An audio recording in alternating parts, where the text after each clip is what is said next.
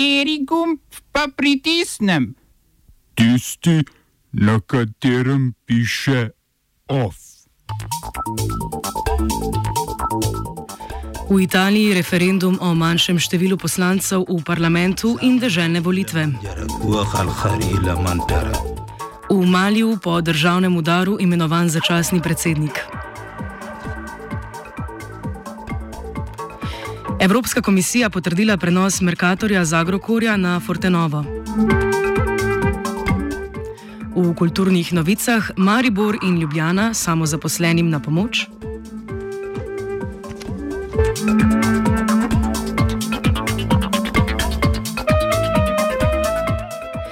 Italijani so na referendumu skoraj 70 odstotno podporo glasovali za ustavno reformo, s katero bi se zmanjšalo število članov italijanskega parlamenta. V spodnjem domu parlamenta se bo s potrjeno reformo število sedežev zmanjšalo z 634 na 400, število senatorjev pa z 315 na 200. Namen ustavne spremembe, ki ima tudi v italijanskem parlamentu zadostno podporo, je zagotoviti učinkovitejše parlamentarno delo. Poleg tega naj bi se s premembami zmanjšali stroški delovanja parlamenta. Ustavna reforma se bo morala v praksi uveljaviti do leta 2023. Slovenska senatorka Tatjana Rojc je ob izidih referenduma opozorila, da so se s podporo zmanjšale možnosti za izvolitev predstavnika slovenske narodne skupnosti v italijanski parlament in izpostavila, da ima država Forlanija Julijska krajina, kjer živi večina slovencev v Italiji, najvišji odstotek glasov proti reformi.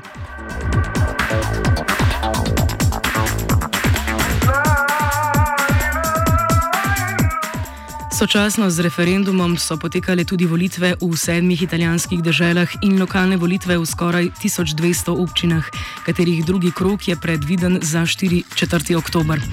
Na državnih volitvah je kljub skupnemu nastopu desnice svojo vladajočo pozicijo utrdila leva sredina. Najbolj razočaran je voditelj stranke Liga Matteo Salvini, ki se je nadejal zmage v Toskani, kjer je več glasov prejela levo-sredinska demokratska stranka.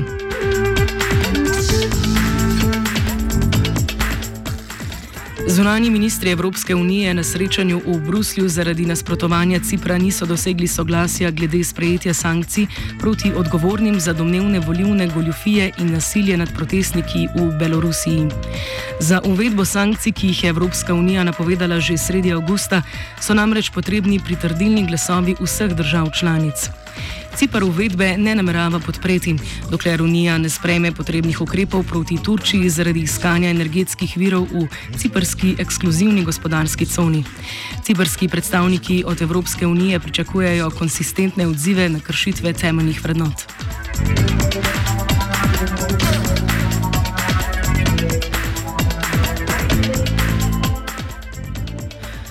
V Maliju je bil za začasnega predsednika imenovan nekdani obramni minister in upokojeni polkovnik Ba Ndau.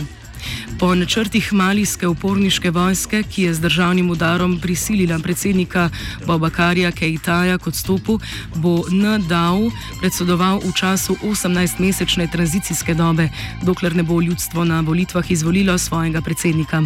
Za podpredsednika je bil imenovan Asimi Gojta, voditelj uporniške vojske. Mali je pod velikim pritiskom gospodarske skupnosti zahodnoafriških držav. Organizacija je državni udar že na začetku obsodila in zdaj od vojaškega vodstva zahteva, da se oblasti čimprej prenesene oziroma da se oblast čimprej prenese nazaj na ljudstvo. Gospodarska skupnost je sicer že uvedla določene sankcije proti Maliju in zaprla svoje meje z državo.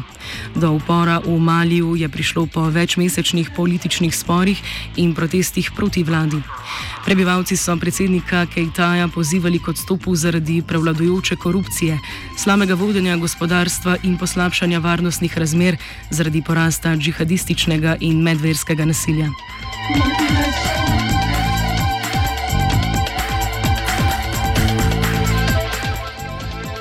Kolumbiji so po 11-dnevnem premoru v več mestih spet potekali protesti proti policijskemu nasilju, oboroženim skupinam in politiki sedanje vlade. Nemiri so se začeli po smrti Javierja Ordoneza na začetku septembra. Na spletu se je namreč pojavil posnetek, na katerem je policija Ordoneza na policijski postaji omamila s paralizatorjem in ga na to pretepla. Na včerajšnjih protestih je prišlo v Bogoti do nasilnejših spopadov med policijo in protestniki, ki jim poveljujejo predstavljati predstavniki sindikatov in študentov. Do sedaj je v kolumbijskih protestih umrlo najmanj 12 protestnikov, več tisoč ljudi je bilo ranjenih. Oba, če, če bom odgovoril na angliški. Slovenija bo poskušala pomagati. Slovenija bo naredila naš utmost, da bo rekla, da je situacija naš problem, sami. In bomo naredili nadaljnje korake, as soon as the conditions are. Bomo vlado Marjana Cererera Šarca podprli. Very, very serious news from Slovenija. We know how and we will.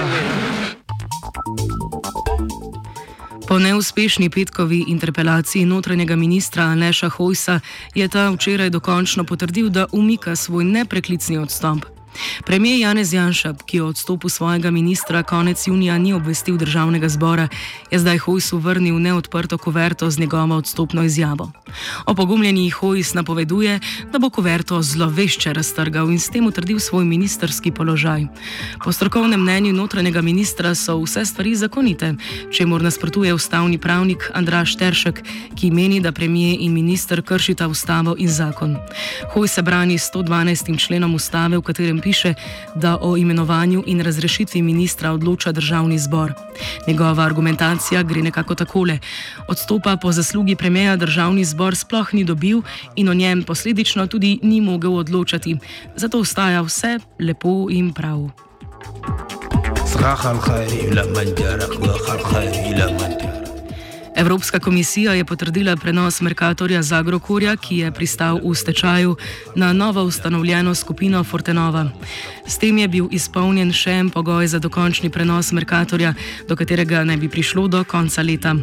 Fortenova mora soglasje dobiti še od bank upnic Merkatorja, ki jim trgovec dolguje več 100 milijonov evrov in od srpskega varuha konkurence. Komisija je z odločbo ugotovila, da transakcija med Fortenovo in Merkatorjem ne bo pomembno vplivala na konkurenčen položaj na trgu. Portenova je letos slovenskim dobaviteljem zagotovila, da bodo po prenosu slovenski izdelki še naprej varno ostali na Merkatorjevih policah. Prenos Merkatorja na Fortenovo je konec lanskega leta zadržal slovenski varuh za konkurenco, a je Ljubljansko okrajno sodišče odločitev razveljavilo.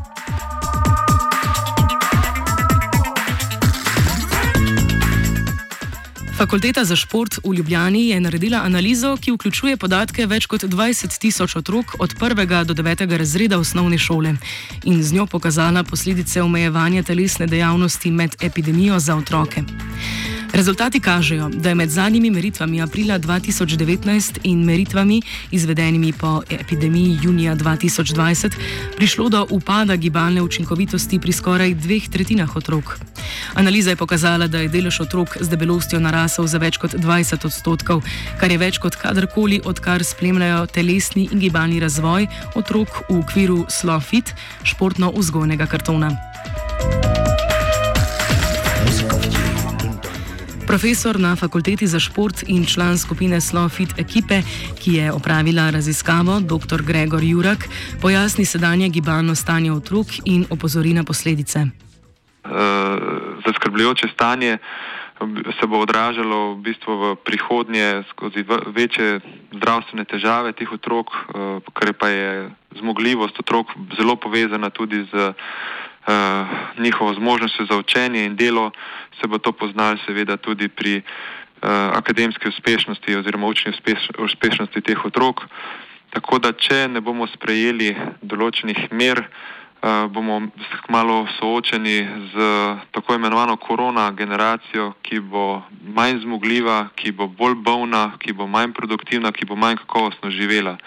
Zato smo predlagali, oziroma bomo še tudi predlagali ustrezne ukrepe, da vlada sprejme tudi ustrezen paket rešitev za otroke in da pri uh, rešitvah, ki jih bojo uh, v prihodnje sprejemali v zvezi z koronavirusom, skušajo upoštevati tudi širši vidik, tudi druge stroke.